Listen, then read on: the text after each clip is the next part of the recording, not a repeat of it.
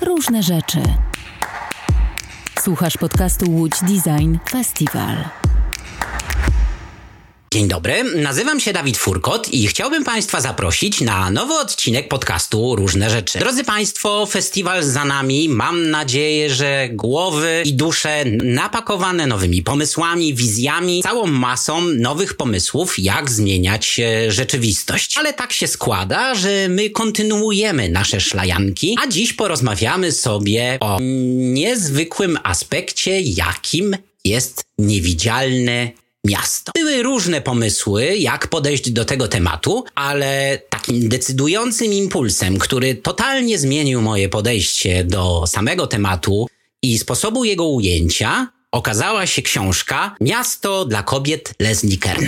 No i tak się składa, że mam tą przyjemność, żeby porozmawiać o tej książce, o kobiecym projektowaniu i o tym, jak bardzo połowa, ponad połowa ludzkości zapadła na ślepotę z okulistką Dominiką Janicką. Oczywiście wygłupiam się trochę, ponieważ mamy tutaj do czynienia z bardzo poważną panią, która dyrektoruje w Instytucie Designu w Kielcach, jest wykształconym architektem, autorką znakomitych, nagradzanych wystaw. To powiem to raz jeszcze, Dominiką Janicką. Dzień dobry.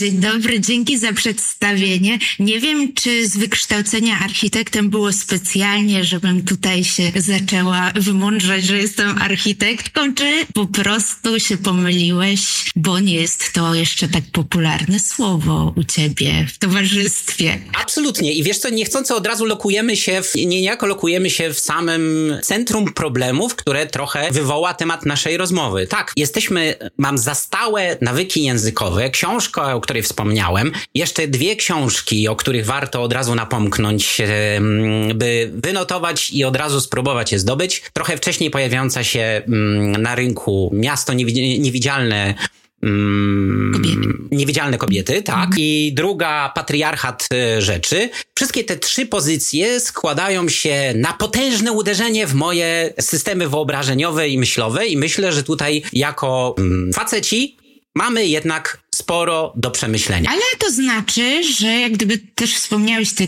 trzy książki, dwie z nich przeczytałam, Patriarchat Rzeczy jeszcze przede mną. Nas osobiście w Balu, architektek inicjatywie, którą też prowadzę z Dominiką Wilczyńską i Basią Nawrocką z Krakowa, e, bardzo cieszy, że w sumie duże wydawnictwa, jak wydawnictwo Charakter czy Czarne, które już w ogóle jest bardzo duże, stawia na takie tytuły i tłumaczy je na polski, bo to oznacza, że jest potrzeba jak gdyby zwiększania wiedzy w temacie, więc to na pewno na ogromny plus. Tak, to prawda. Zresztą mam wrażenie, że um, gdzieś e, w odmętach internetu znalazłem wasz apel publiczny do tego, żeby ta książka została przełożona na język polski. No i okazuje się, że posiadacie w sobie ogromną skuteczność, no bo tak się stało. No dobrze, przychodzi nam się... Aczkolwiek tak, do tak, tytułu śmiało, mamy lekkie wątpliwości do tłumaczenia, bo on został nie do końca zgodnie z intencją autorki Leslie, Leslie Kern, Kanadyjki, yy, przetłumaczony na język polski, bo bezpośrednio z angielskiego byłoby to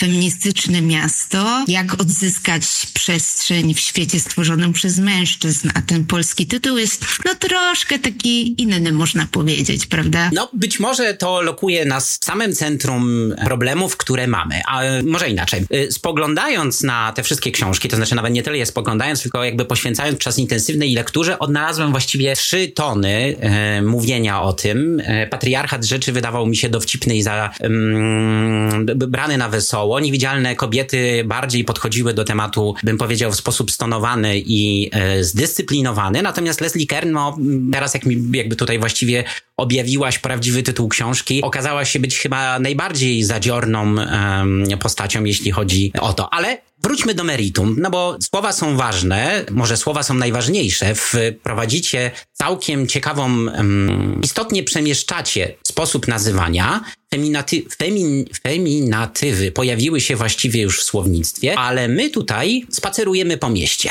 Ja jestem fotografem, ty jesteś architektką z wykształcenia. E, oboje, oboje doświadczamy przestrzeni miejskiej. No i nagle okazuje się, że właściwie Wstępem do tej książki jest y, dotknięcie archetypowej figury flanera. białego mężczyzny, który ma sporo czasu, może wędrować po świecie, może mu się przyglądać, czerpać z tego e, poznanie, siłę witalne i pomysły na doświadczanie miasta. Planeryzm owocuje nam wspaniałymi esejami trzech wspaniałych mężczyzn, Baudelaire, Benjamin na przykład, czy Zimmel. Bardzo istotne postacie dla europejskiej myśli. No i nagle pierwsze uderzenie prosto między oczy. Nie ma kobiecych flanerek. No, jak gdyby naświetliłeś tu już troszkę problem. Ja myślę, że to się też zmienia, ale wyjdźmy może od takich rozważań, dlaczego może tak Właśnie, jest. dlaczego? Też ta postać y, białego mężczyzny, flanera, o którym wspominałeś, to często przez bardzo, bardzo długi czas to byli też autorzy naszych miast, autorzy naszych przestrzeni, y, główni twórcy i zarówno obiektów, jak i przestrzeni między nimi, więc siłą rzeczy też bardzo często projektowali pod swoje potrzeby. E, czyli projektowali, upraszczam oczywiście, duże gmachy, wielkie autostrady, czyli całe te projektowanie lat 50., 60. pod miasta, często zapominając o osobach, które być może nie mają tego samochodu, które mają trudności z poruszaniem, czy też opiekują się dziećmi, czy osobami zależnymi, które no nie do końca się odnajdą y, w przejściach podziemnych z wieloma schodami, w ciemnych przestrzeniach, więc ta grupa była trochę przez spory czas marginalizowana. Stąd też się nie czuła komfortowo, przemieszczając się po miastach. Czuła się kimś niezaproszonym, czy może nawet elementem takim obcym, czy czasami niechcianym. E, więc myślę, że to stąd wszystko, wszystko się pojawia, jak gdyby pojawiło, ale to się też e, zmienia, bo myślę, że moglibyśmy spokojnie odnaleźć takie współczesne e, włóczkiki, nazwijmy to może tak, które przemieszczają się po miastach.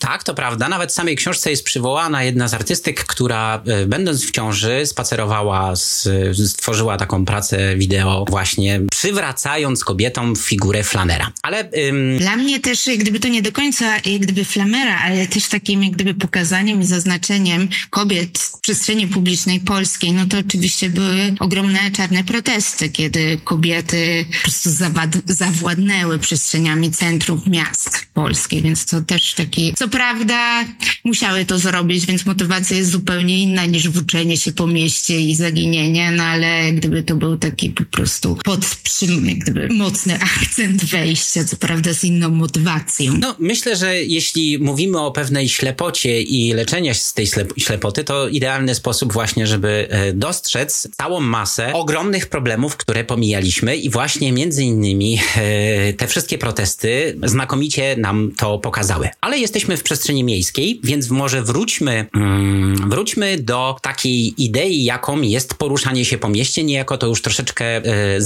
zaanonsowałaś. No i nagle okazuje się, to było dla mnie bardzo ciekawym doświadczeniem, kobiecy sposób poruszania się jest e, nieco inny, dużo bardziej skomplikowany niż męski. Ale okazuje się, że miasta konstruujemy właśnie dla nas, facetów. To wstyd, to źle. No to jak powinniśmy projektować, by kobiety powinny, znaczy uwzględniając to doświadczenie, mogły wnieść tą perspektywę dla naszego wspólnego domu. Ja jeszcze tu bym wyjaśniła y, naszym słuchaczkom i słuchaczom, wszystkim osobom, które nas słuchają, e, takie pojęcia, bo wspominałeś o kobiecym projektowaniu, a my też w Balu staramy się właśnie promować bardziej feministyczne projektowanie i już tu śpieszę, z czym, jak gdyby, czym te pojęcia się różnią, bo feministyczne projektowanie oczywiście skupia się też na potrzebach kobiet, ale też wszystkich osób, które do tej pory były marginalizowane w pewien sposób w dyskursie projektowym. Więc też skupiałabym się tu taki, na takiej szerszej perspektywie i już mówię o kogo chodzi, czyli osoby z niepełnosprawnościami, y, osoby z mniejszości seksualnych, ale też jak gdyby takie osoby, jak gdyby stworzenia, które nie mają głosu, czyli przyroda, zwierzęta, które też są obecne bardzo w naszych miastach, a często też są takimi niewidzialnymi mieszkańcami, tak jak przywołałeś te, te pojęcie na początku naszej rozmowy, więc bardziej tutaj się skupię na tej feministycznej, czyli troszkę szerszej perspektywie tych y, grup zapomnianych. Takim, co na pewno wszystkich nas łączy, to jest bezpieczeństwo. Każdy z nas chce się czuć bezpiecznie w mieście Też Leslie Kern w którymś z rozdziałów z książki przywołuje nocne powroty yy, do domów, do, mm. zwłaszcza kobiet. Ona, co prawda, pisze tutaj z perspektywy swojego kraju, swoich doświadczeń, czyli Kanady, Ameryki Północnej, ale myślę, że to takie jest jednoczące doświadczenie wielu osób mieszkających w różnych miastach na świecie, więc przede wszystkim tu bym postawiła na taki bezpieczny y, powrót do domu z jakichś nocnych wydarzeń, lepiej doświetlone przestrzenie naszych miast, bardziej zróżnicowane usługi, brak takich y, stref, no, które od razu budzą nasze gdyby zaniepokojenie, czyli jakieś przejścia podziemne, mocno zaciemnione parki, więc bezpieczeństwo to jest no, ogromna potrzeba, a też z własnego doświadczenia, bo mówiłeś, że jestem z wykształcenia architektką, ale też praktykuję. Wcześniej pracowałam dużych biurach architektonicznych i bardzo rzadko mm, przywołaliśmy takie aspekty. Słuchajcie, czy ktoś tu się będzie czuł bezpiecznie, czy dobrze ustawiliśmy te wnętrza architektoniczne, czyli po prostu proporcje e, wysokości budynków do, do przestrzeni, czy ktoś tu będzie czuł swobodnie. To przez długi czas nie były jakieś takie powszechne aspekty myślenia. Teraz się oczywiście to trochę zmienia, ale też e, za bardzo e, warunki techniczne tworzenia budynków też nie mają takiego aspektu bezpieczeństwa bezpieczeństwa, czyli y, umieszczania, nie wiem, dobrego oświetlenia, ale też bezpieczeństwo, to jeszcze w tutaj moim wątku, też dużo ma, urbanistyka też ma dosyć duży wpływ na to, bo na przykład kreowanie takich dzielnic z monofunkcjami, czyli nie wiem, z przeważającą na przykład usługą biurową, czyli mhm. na przykład jest, są to zapewne okolice Domaniewskiej w Warszawie, przykładowo. One też często po 17, 18, no, są pustoszałe, bo po prostu ta funkcja e, działa od, nie wiem, 7 do 17, czy w jakimś takim po prostu określonym, określonym przedziale czasowym, więc e, gdyby powoduje, że po tej godzinie nie ma już tam osób, więc jak gdyby ktoś wędruje, dana osoba i też nie czuje się e, do końca bezpiecznie. Jakbyśmy tam troszkę przemiksowali, dodali dodali właśnie funkcję usługową, czy trochę mieszkaniowej, to zawsze ten ruch e, osób, no, trwa dłużej niż te kilka godzin podczas dnia. A więc myślę, że bezpieczeństwo to jest takim jednym, no, z najważniejszych takich obszarów, na których się powinniśmy skupić. E, a drugim kolejnym, to już tak celując w kobiety wspomniane, to przeważającej ilości e, to one pełnią tak zwaną bezpłatną pracę opiekuńczą, czyli mhm. opiekują opiekują się dziećmi, osobami zależnymi, czyli starszymi, z niepełnosprawnościami, więc podróżując po mieście, one też jak gdyby muszą uwzględnić tych swoich podopiecznych. A wszyscy wiemy, jak wyglądają polskie miasta. Podróżowanie z wózkiem, czy to z osobą z niepełnosprawnością, czy z dzieckiem, jest po prostu e, bardzo, bardzo trudne. Mamy wiele barier,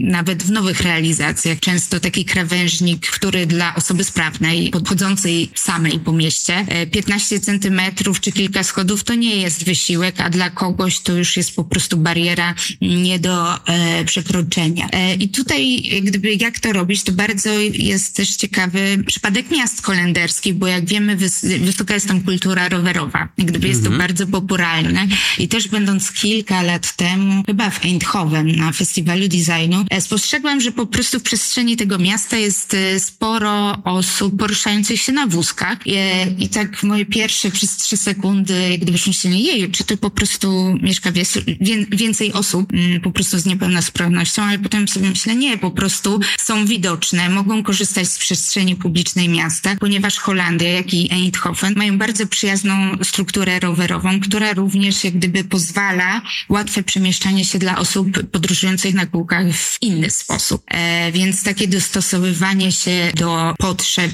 też osób opiekujących się różnymi osobami też jest bardzo ważne, e, ale też z badań, które też przywołuje Karol, Karolin Criado-Perez w książce Niewidzialne kobiety. Ja też tu bardzo żałuję, że nie ma takich pogłębionych e, badań w przestrzeni telewizji polskiej na ten temat. To, był, ona... to był jeden z elementów właśnie, który mnie trochę zastanawiał, ponieważ no, mamy tutaj perspektywę globalną, przywoływane są doświadczenia z bardzo różnych krajów i trochę właśnie zastanawiałem się, jak to wygląda jakoś tutaj z bliżej naszego podwórka. I chyba mm najbliższym elementem, o którym zresztą kiedyś popełniłaś artykuł, e, kiedy wspominałaś o projektowaniu e, uwzględnieniem potrzeb kobiet czyli czymś, co ma taką angielską nazwę gender mainstreaming. Mm. To tak jakby najbliższym przykładem, e, tutaj oprócz wspomnianej przez ciebie Holandii, no wydaje się być e, Wiedeń, który może byś troszkę więcej o tym powiedziała, bo rzecz jest mm. bardzo ciekawa i tutaj nawet bym powiedział... To... Wiedeń w ogóle w kwestii kreowania miasta, przestrzeni miejskiej, mieszkaniówki jest zawsze takim numerem jeden we wszystkich rankingach. Oni zawsze są pierwsi, zawsze są pionierami i stają się takim wyznacznikiem dla reszty miast i faktycznie e, oni już e, w latach 90., 2000, tak jakby ten czas, czyli już co, 20 parę lat temu, e, zaczęli ten temat gender mainstreamingu wprowadzać w swoich miastach. Powołali do tego też specjalny wydział e, w swoim urzędzie, który miał na celu przebadania sytuacji kobiet w mieście, jak im to ułatwić. I tu jest taka bardzo ciekawa, ciekawe badanie, które oni poczynili, bo zauważyli, że mm, dziewczynki, takie młode nastolatki, w pewnym momencie znikają wynikają z tkanki miejskiej. Gdyby nie widać ich na parkach, nie widać ich na skwerach. Jako dzieciaki takie mniej niż 10 lat były widoczne, a nagle był taki jakiś moment, kiedy one przestały korzystać z przestrzeni publicznej. I e, właśnie specjalnie powołany do tego wydział zajmujący się tą równością płciową w przestrzeni e, mhm. zaczął badać ten temat i właśnie wnioski no, bardzo ciekawe się na, nasunęły, że po prostu dziewczynki też wchodząc w wiek nastoletni często krępowały bowały się przebywać w wielkich, takich odsłoniętych przestrzeniach, wolały bardziej takie półkameralne przestrzenie, ale też zauważono, że przestrzenie publiczne do uprawiania sportu w Wiedniu to były głównie tak jak w Polsce, czyli były to boiska do piłki nożnej, no, która niestety stereotypowo nie jest y, promowana wśród dziewczyn, więc one też nie korzystały z tej infrastruktury sportowej, która polegała na jakimś takim dużej jak gdyby konkurencji zespołowej, że preferowały jakieś takie przestrzenie bardziej do tańczenia, gry w badmintona, jakieś takie bardziej spokojne. Więc to był taki po prostu mocny akcent, gdyby jak kreować tę przestrzeń.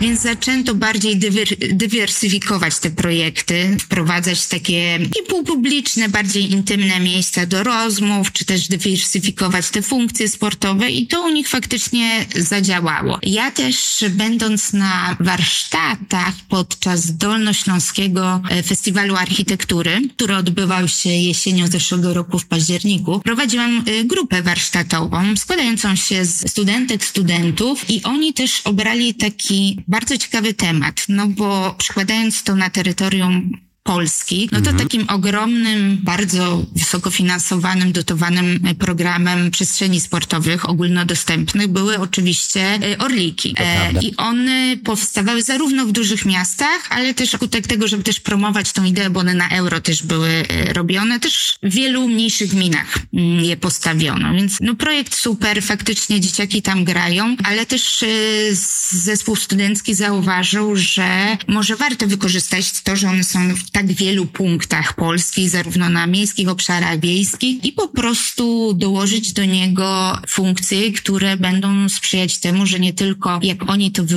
wyliczyli, bo, bo też e, liczyli ile osób w sumie korzysta z tych orlików i tak naprawdę to są e, głównie chłopcy e, w sile wieku raczej nastolatkowie niż nie wiem, 30 plus i im wyszło, powołuje się tu na ich wyliczenie, że to właściwie jest dedykowane jednemu procentowi naszej populacji. Mhm. I starali się też e, zaproponować takie działania projektowe, które mogłyby zwiększyć też, jak gdyby stworzyć, że, żeby te orliki były też miejscami spotkań e, osób senioralnych, też e, dziewczynek, po prostu stworzyć to jako takie miejsce otwarte dla wszystkich. No i to taka jeden do jeden taki gdyby przykład projektowego działania, które wykorzystując istniejącą infrastrukturę może pomoże, pomóc gdyby otworzyć ją na większe pole odbiorców. To jest właśnie niesamowite. Ten wątek pojawia się we wszystkich wspomnianych książkach o szczególnym uwzględnieniu kobiecych potrzeb. No i tutaj takim elementem, który trochę przewartościował spojrzenie na dwa palące zagadnienia, to znaczy, jeśli można powiedzieć, palące zagadnienia.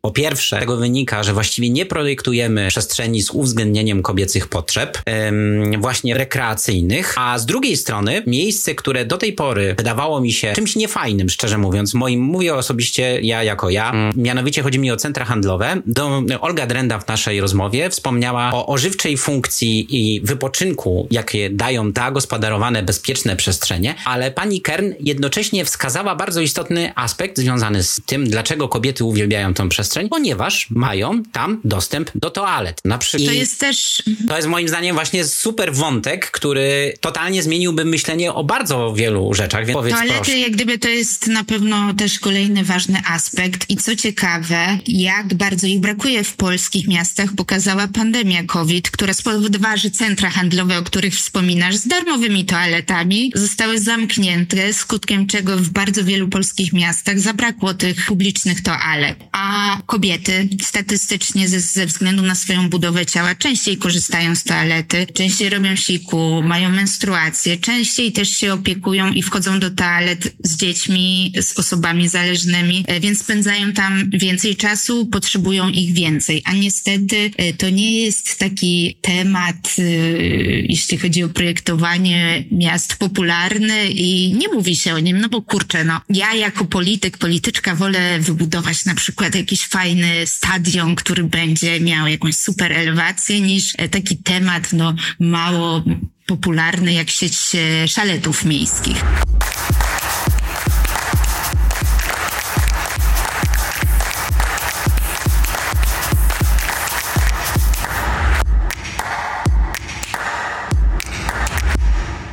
A to na pewno jest bardzo ważne i tu też warto przywołać pracę i akcję polskiej architektki, architektki Aleksandry Wasilkowskiej, która już też kilkanaście do dwudziestu lat temu zajęła się tak zwaną architekturą cienia, jak ona to nazwała, gdzie między innymi uwzględniła szalety miejskie i dzięki też jej staraniom udało się tą e, ilość toalet publicznych w Warszawie no trochę powiększyć. Więc to jest to fantastyczna te... informacja. Tak i e, też wspólnie w Balu zastanawiałyśmy się, gdyby kto w Polsce, czy jacyś są włodarze, włodarki, które właściwie realizują gdyby program toalet publicznych i niestety jest bardzo mało. Tak naprawdę nie udało nam się w naszych poszukiwaniach znaleźć takiej, takiej rzeczy. I w sumie stwierdziłyśmy, że ta, ten temat toalety publicznej w Polsce jest głównie poruszany dzięki e, firmie prywatnej, Kiedyś to było koło, producent ceramiki, jak gdyby sedesów, umywalek, etc.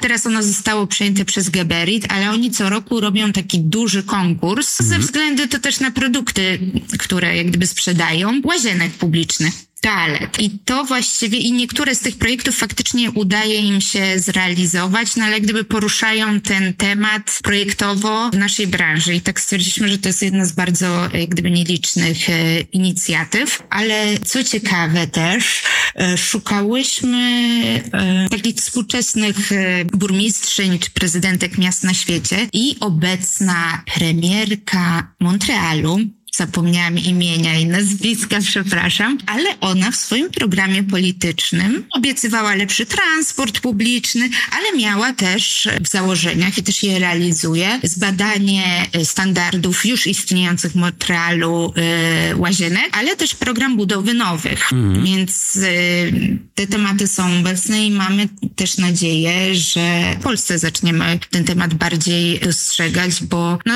toalety publiczne są też ważne, one są też też ważne dla osób w kryzysie niepełnosprawności, w kryzysie bezdomności. Gdyby często są dla nich okazją po prostu do, do umycia się, zadbania o siebie, więc jak najbardziej toalety muszą wrócić do dyskusji. I tu ciekawa rzecz z Biennale Architektury, o którym Ci wspominałam, że właśnie wróciłam, bo te tematy toaletowe już powoli trochę goszczą na tej scenie światowej architektonicznej, bo pawilon Finlandii, mhm. e, który wystawa Finlandii na tym wydarzeniu. To, to, może tylko po prostu powiedz y, Państwu, gdzie byłaś, bo ja to wiem, e, a Państwo e, nie. Na Biennale Architektury w Wenecji. Które jest zatytułowane, powiedz proszę. Laboratorium Przyszłości. Tak sobie wy, wy, wychwytuję tą odpowiedź, no bo e, tutaj nasz temat festiwalu, który za nami, ale miejmy nadzieję w naszych głowach w poszukiwaniu nowych rozwiązań, Future Perfect. Więc czuję tutaj pewną zbieżność i cóż to nam się wydarzy? Czyli Future Perfect w wydaniu wystawy fińskiej na wydarzeniu właśnie Biennale Architektoniczne w Wenecji. Właściwie to była toaleta. Toaleta Husi, typowa dla domków le letniskowych w Finlandii. Toaleta, która nie używa wody. Hasło przewodnie tej wystawy była śmierć y, toaletą water closet, czyli jak gdyby to z użyciem wody, Aha. może tak po polsku. Więc cała jak gdyby wystawa opierała się o przyszłość toalet, w tym przypadku ekologiczną, ale też mieliśmy pawilon y, niemiecki, który między innymi, w ogóle to jest bardzo też ciekawy pawilon w kontekście naszej rozmowy o niewidzialnym mieście, bo on e, stworzył taką przestrzeń troski dla niewidzialnych osób z które są na Biennale, czyli głównie też dla tej obsługi całej mm -hmm. tego wydarzenia, mm -hmm. bo stworzył tam między innymi taki punkt y, socjalny z lodówką, z ekspresem, ale też jedna część tego pawilonu była poświęcona toaletom. Toaletom, przyszłości toalet również pod względem nieużywania wody, ale też y, ogólnodostępnym,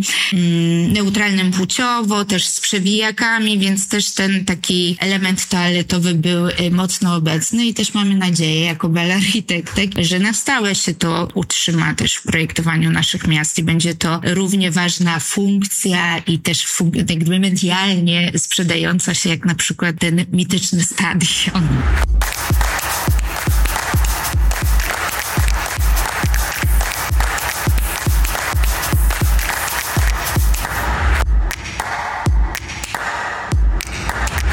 Tutaj mm, myślę, że może inaczej. Wydaje mi się, że to jest absolutnie niezbędne. E, a jak to jest palący problem? Wystarczy po prostu pojechać sobie w jakikolwiek e, inne miejsce poza miejscem zamieszkania, przemienić się w turystę, spacerowicza, pooglądać sobie przestrzenie i powędrować w nowych, nieznanych miejscach. No i nagle się okazuje, że ciało, nasze ciało uwielbia domagać się uwagi, lubi sobie umyć łapki e, i tak dalej, i tak dalej. I jakby absolutnie uwzględniając właśnie kobiecą perspektywę, z której właściwie skorzystamy wszyscy. Tutaj też jeszcze a propos tej książki, książki jedna rzecz mi się pojawiła, mianowicie, no właśnie, sprytne ustawianie neutralnych płciowo toalet, które jednocześnie tak naprawdę zawierają w sobie pisuary i nagle się okazuje, że nieskończone kolejki do kobiecych toalet, które pojawiają się zawsze i nikomu nie wskazują nic istotnego do przemyślenia, e, jako problem do rozwiązania na teraz, na już. E, Ale to też może tu dopowiem, bo też pytałeś o te sytuacje na polskim podwórku i tutaj odnośnie tych toalet, liczby oczek w toaletach, e, to też warto przywołać inicjatywę architektki Barbary Kani. Ona ma Instagram Archiprawnie, który gdyby też e, polecam, bo ona mm, nagłośniła temat właśnie nierówności w ilości liczbie oczek, czyli pisuarów, e, sedesów, mhm. w myśl warunków technicznych. Warunki techniczne to, to jest taki zapis prawny o tym, jak nasze budynki muszą e, być dostosowane i my, architekci, architektki, projektując, musimy się dostosować po prostu do tych wymogów.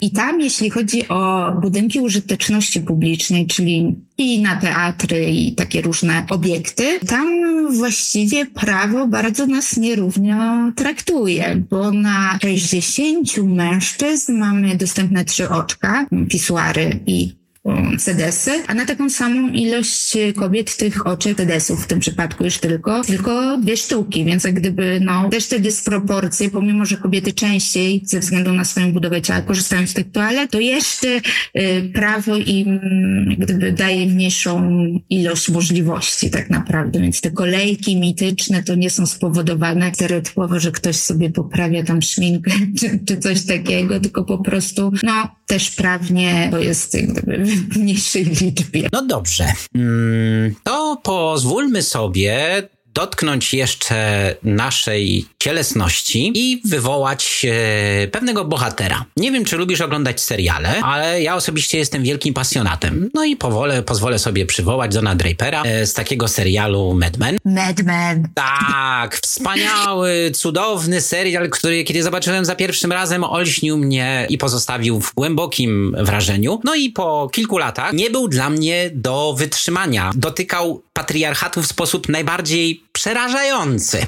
Ale e, Idźmy to z innej strony. Proste doświadczenie przebywania w przestrzeni biurowej, które zapewne dotyczy wielu słuchających nas osób. No i sprawa ustawienia temperatury klimatyzacji. Nagle okazuje się, że taka prosta czynność dyskryminuje kobiety. To prawda, bo ym, no, gdyby one potrzebują więcej, jak gdyby wyższej, wyższej temperatury, a pan, no gdyby tu się też nie powołuje na żadne badania, tylko też z własnego doświadczenia pracy na Open Space, to był taki nasz y, zawsze punkt y, walki i dyskusji, jaką sobie temperaturę ustawimy latem, kiedy jest bardzo gorąco na zewnątrz i panowie tutaj zawsze optowali za jakąś jakąś taką w stylu 17 nawet stopni, no, którą trzeba przyznać, że już y, druga część użytkowniczek strefy biurowej y, musiała dokładać sobie ubrań, więc jak gdyby ten temat temperatury też na pewno jest sporny, ale też się cieszę, że przywołałeś też ten serial, bo te osoby, które znają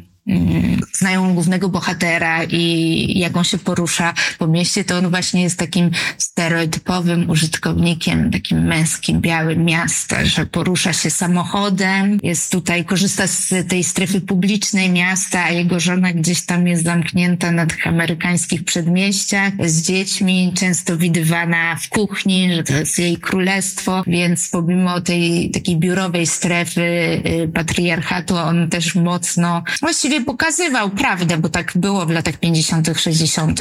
Mm, w Stanach. Bardzo takiego stereotypowego podziału na role męskie i role żeńskie w świecie.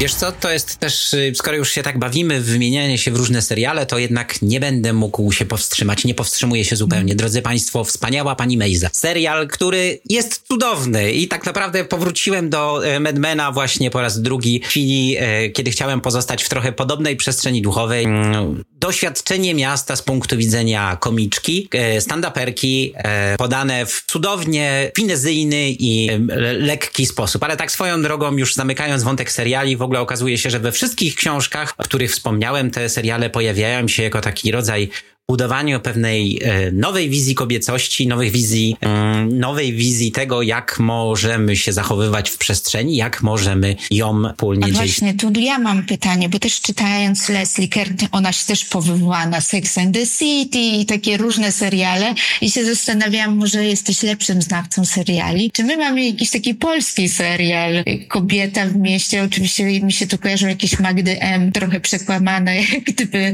e, realia, ale tak się zastanawiałam, zastanawiałam, czy mamy jakiś taki właśnie z naszego podwórka, albo nawet bardziej naszej części Europy. To taka rzucam. Może ktoś z słuchaczy, słuchaczek ma taki pomysł, ewentualnie tak, książka. No, może właściwie moglibyśmy poszukać takiego elementu. Teraz mi nie przychodzi na mhm. myśl. Niestety od razu mi się wyświetliło bardzo dużo seriali kryminalnych, kryminalnych gdzie kobiety były bohaterkami, ale mm. chyba szukamy nieco innych wzorców. No i tak jednak ta przemiana mimo wszystko następuje. Powiedz mi proszę, w takim wypadku powiedzieliśmy o kilku różnych ważnych elementach, ale czy masz wrażenie, że mm, dokonujemy przemian w mentalności, czy wciąż twardo tkwimy w zaprzeszłym świecie złych rozwiązań? O tak. Gdyby też bym nie nazywała tego zły, złe rozwiązania, bo jak gdyby na tamte czasy to jak gdyby ludzie myśleli, że są dobre, no tak naprawdę. Też ten jak gdyby im dłużej jak gdyby, ja, teraz wiemy więcej, na przykład o kryzysie ekologicznym, też o potrzebach osób, które były pomijane, więc możemy te swoje rozwiązania, które kiedyś może były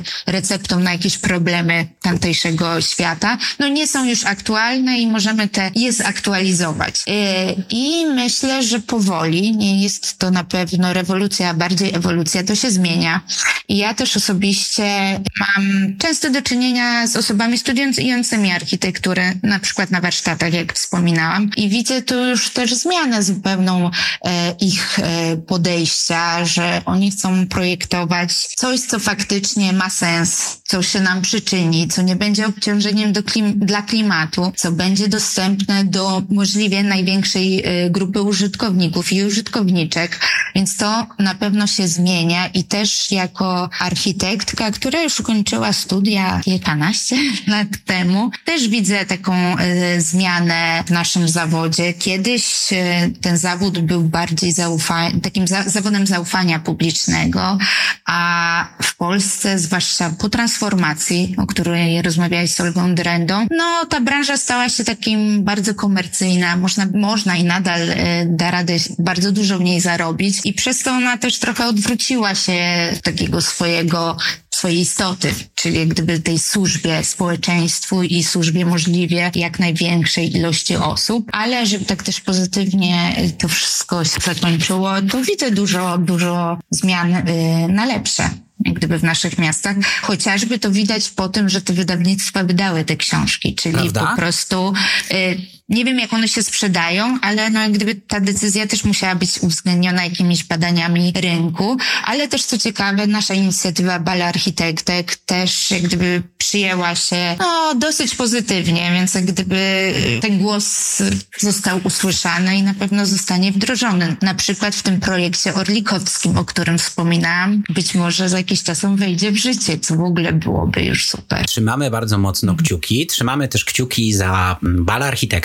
I wasze działania. A drodzy Państwo, tak na samo zakończenie chciałbym powiedzieć jedno, bo być może to nie wybrzmiało, ale dawno nie czytałem tak pięknej książki. Znowu wracam do pani Kern, która by, była jednocześnie takim pięknym manifestem tego, czym może być miasto jako przestrzeń niebezpieczna i pełna jakby pułapek na kobiety, ale jednocześnie dająca im szansę na wyzwolenie, na otworzenie się, na doświadczanie życia w większej pełni, uczestnictwo w y, zawodach publicznych, które, których zawiesiłem się, ale chyba chcę po prostu powiedzieć, że odnajdziemy tam... Czytajcie tę książkę. Tak, czy, czytajmy te wszystkie książki, czytajmy, czytajmy, dziękujmy też wydawnictwom, że mają siłę i bardzo chętnie jakby wykonują taką pracę u podstaw. Dzięki temu prowadzący podcast mają szansę rzetelnie się przygotować do tych wszystkich rzeczy. Bardzo dziękuję Ci za tą rozmowę. Mam nadzieję, że odrobina radości mimo wszystko będzie w naszych sercach. Mamy wytyczne, a mając już pewne nakreślone wizje, zawsze łatwiej z nich skorzystać. Na przykład miasto Wiedeń opublikowało stustronicowy podręcznik, jak udostępniać miasto dla kobiet, więc e, są to rzeczy, które wytrawni poszukiwacze, a za takich mam e, publiczność słuchającą nasz podcast, na pewno odnajdą. A my co? Żegnamy się. Bardzo Ci dziękuję za rozmowę